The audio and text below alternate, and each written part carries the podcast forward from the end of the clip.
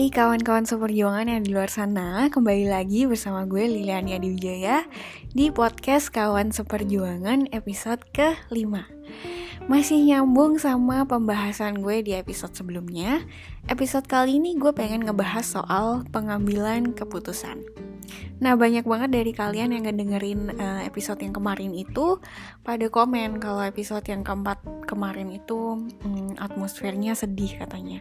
Atau ada yang bilang pas denger nggak bisa nggak ikutan baper. Dan bahkan ada yang DM gue langsung dan bilang kalau dia ikutan nangis pas dengerin episode yang lalu itu. Thank you so much semuanya, apalagi yang sampai DM gue langsung. Uh, jadi di episode kali ini gue pengen ngebawainnya lebih ringan gitu lah ya. Jadi kita langsung aja yuk. Seperti yang kalian dengar di episode lalu, gue itu habis mengambil sebuah keputusan besar untuk masuk ke ruang dinamakan kedewasaan. Mungkin bahasanya kiasan banget ya, tapi di balik itu gue benar-benar mengambil sebuah keputusan besar dalam hidup gue. So kalau kemarin gue share gimana gue struggle untuk mengambil keputusan itu, di episode kali ini gue akan share gimana proses pengambilan keputusan gue. Untuk mulai, seperti biasa, gue pengen buka dengan pertanyaan. Kalian pernah nggak dihadapkan pada pilihan-pilihan yang sangat sulit? Bukan hitam atau putih dan bukan permen stroberi atau coklat, tapi lebih ke pilihan-pilihan yang sama-sama baik dan sama-sama buruk, sama-sama enak dan sama-sama nggak enak. Pilihan-pilihan yang nyata karena kita nggak bisa menebak lanjutan cerita. Tapi yang harus kita lakukan adalah memilih karena waktu udah nggak bisa diputar kembali. Contohnya aja nih, gue gak mau bahas keputusan apa yang barusan banget gue ambil kemarin itu karena rada personal ya. Jadi gue bakal ambil contoh lain dari salah satu keputusan tersulit di dalam hidup gue yang udah pernah gue ambil dulu.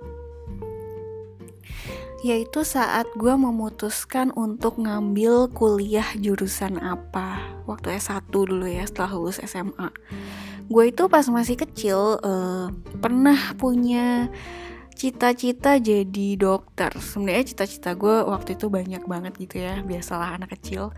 Tapi gue pas umur 5-6 tahun gue pengen punya eh, pengen jadi dokter. Dan bahkan udah spesifik gitu pengen jadi pediatrician alias dokter anak. Dan orang tua mana sih terutama di Indonesia yang gak mendukung anaknya itu pengen jadi dokter tapi growing up mulai dari gue SMP, SMA gitu Mungkin karena gue udah gak tinggal bareng sama orang tua gue 24-7 Gue jadi kayak punya banyak waktu gitu sama diri gue sendiri Buat figure out sebenarnya gue itu pengen jadi apa sih. Dan sejak SMP, gue itu mulai tertarik banget sama yang namanya desain dan spesifik juga interior design gue kayak bisa ngelihat diri gue sendiri itu waktu itu uh, jadi desainer gitu lah ya Nah pas gue udah mau lulus SMA, uh, eh, gue itu dihadapkan sama pilihan-pilihan. Saat itu gue dapet chance untuk daftar beasiswa kuliah kedokteran itu hmm, gratis sampai lulus karena nilai gue mencukupi buat daftar itu. Dan ini tuh uh, kayak ditawarin gitu ya sama guru gue sendiri. Dan yang ditawarin tuh cuma beberapa siswa aja waktu itu. Tapi di sisi lain gue juga punya pilihan uh, gue sendiri yaitu ngikutin passion gue uh, yaitu desain gitu. Dan of course orang tua gue bener-bener berusaha kayak mempersuasi gue atau membujuk gue untuk masuk ke kedokteran. Mereka lumayan kekeh gitu ya dan bahkan guru gue yang nawarin gue itu bilang ke gue Li, kamu kan bisa jadi dokter yang suka interior design. gue waktu itu ketawa aja sih, tapi uh, dalam hati gue kayak merasa gue nggak bisa give up on design waktu itu. Meskipun jadi dokter itu juga impian gue waktu gue masih kecil. Gue pribadi saat mengambil keputusan itu tuh cukup struggle, gue bingung banget dan semakin gue pikirin semuanya itu semakin kusut. Dan gue udah hampir lari dari pengambilan keputusan itu, kayak gue udah gak mau mikirin dan gue kayak uh, ya udahlah ngikutin uh, keputusan orang tua gue aja, kayak gue membiarkan orang tua gue yang memutuskan untuk gue gitu loh. uh, dan gue itu udah sempat lari kayak gitu berkali-kali tapi gue kembali lagi karena banyak banget suara dalam kepala gue ada yang bilang A B C D E sampai Z. Akhirnya gue itu fell apart sendiri. Gue nggak kuat sendiri sampai gue itu shut down diri gue sendiri. Nah ini kebiasaan gue kalau gue itu under pressure banget gue itu selalu shut down diri gue sendiri dari orang-orang dari activity-activity gitu. Nah kalau kalian pernah ngalamin kayak gitu suara-suara yang banyak banget itu semua sebenarnya apa sih gue berhasil merangkum ke dalam tiga kategori kalau kalian bisa nambahin boleh banget nanti DM langsung ke akun Instagramnya podcast ini ya.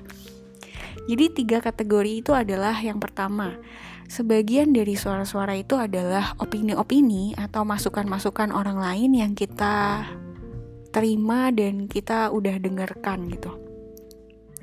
Yang kedua, sebagian yang lain adalah dari kita sendiri yang sedang ngejudge atau menghakimi diri kita sendiri.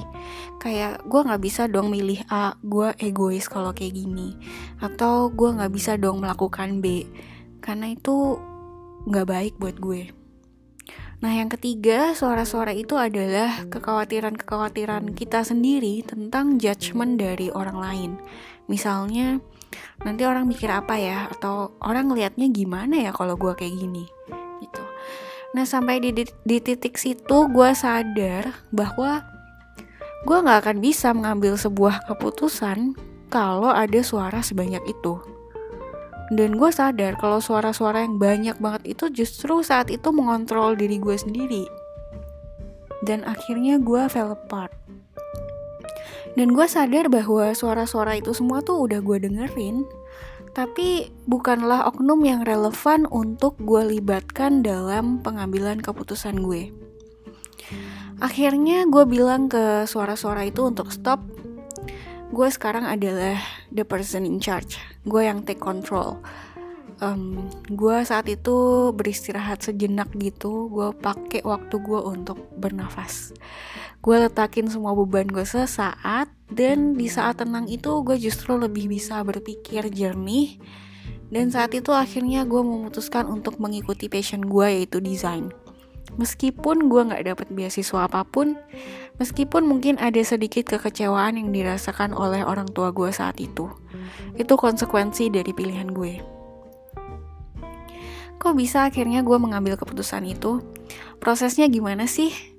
Diri gue yang dulu mungkin gak akan kepikiran tentang proses ini sama sekali Tapi belakangan ini gue ada baca satu artikel uh, dari satu platform self-growth online gitu Namanya The School of Life Artikelnya itu ngebahas tentang decision making dan ternyata kita itu bisa menyederhanakan proses pengambilan keputusan dengan menghadirkan dua oknum penting dari diri kita untuk bermusyawarah. Dua oknum ini apa?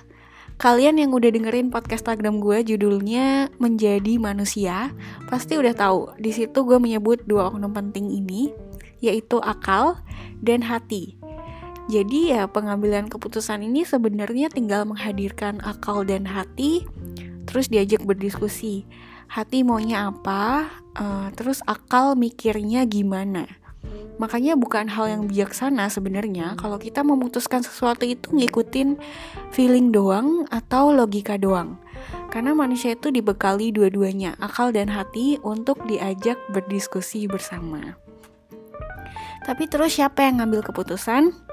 Bukan akal dan bukan hati, Oknum ketiga dan yang terpenting di sini adalah diri kita sendiri. Ingat, kita yang pegang kontrolnya, sehingga keputusan yang kita ambil adalah keputusan dengan kesadaran penuh. Karena kita udah menimbang maunya hati dan pemikirannya akal. Dan ini menurut gue sendiri hal yang terakhir yang paling penting nih gak ada di artikel itu. Tapi menurut gue yang namanya pengambilan keputusan itu emang bebas kita mau milihnya apa tapi kita nggak bisa memisahkan dari yang namanya tanggung jawab. Menurut gue ini penting banget karena banyak banget orang yang masih memutuskan sesuatu itu tapi uh, ngasal gitu ya. Jadi eh, nggak uh, mau menerima konsekuensinya dan tidak mau mempertanggungjawabkan keputusannya itu atau pilihannya itu. Gue lanjutin sedikit ceritanya. Setelah gue masuk interior design tanpa beasiswa, uang kuliahnya mahal, di dua semester pertama gue bener-bener down nilai gue jelek banget. Gue kayak uh, waktu itu nggak bisa paham gitu apa yang sedang diajarkan saat itu. Gue bahkan sempat mikir um, ada sedikit penyesalan gitu kalau ah mungkin harusnya gue ngedengerin orang tua gue gitu loh.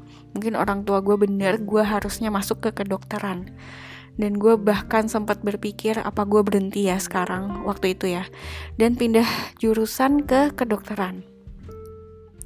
Tapi terus gue mengingat kembali perjuangan gue meyakinkan orang tua gue bahwa desain adalah passion gue gue bisa lihat diri gue sendiri jadi desainer. Dan akhirnya gue bilang ke diri gue sendiri saat itu um, ini masih layak untuk diperjuangkan. Ini pilihan gue sendiri ini keputusan gue. Baik atau buruk hasilnya itu gue akan bertanggung jawab. Dan itu ada di tangan gue. Gue akhirnya lulus sebagai best graduate saat itu.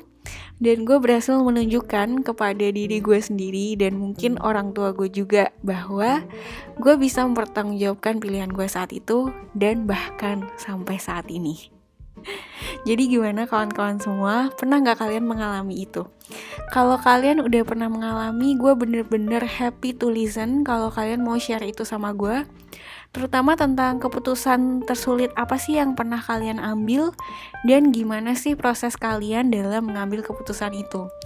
Kayaknya bakalan seru kalau gue buka sharing session ya. Gimana kalau kita sharing besok hari Sabtu tanggal 18 April dari jam 8 sampai jam 10 malam waktu Indonesia Barat gue bakal online di uh, account Instagramnya @kawanseperjuangan.podcast di situ kalian bisa DM gue langsung. Semoga sharing gue hari ini berguna buat kalian semua. Gue Lilian Wijaya, sampai jumpa di episode selanjutnya dan selamat berjuang.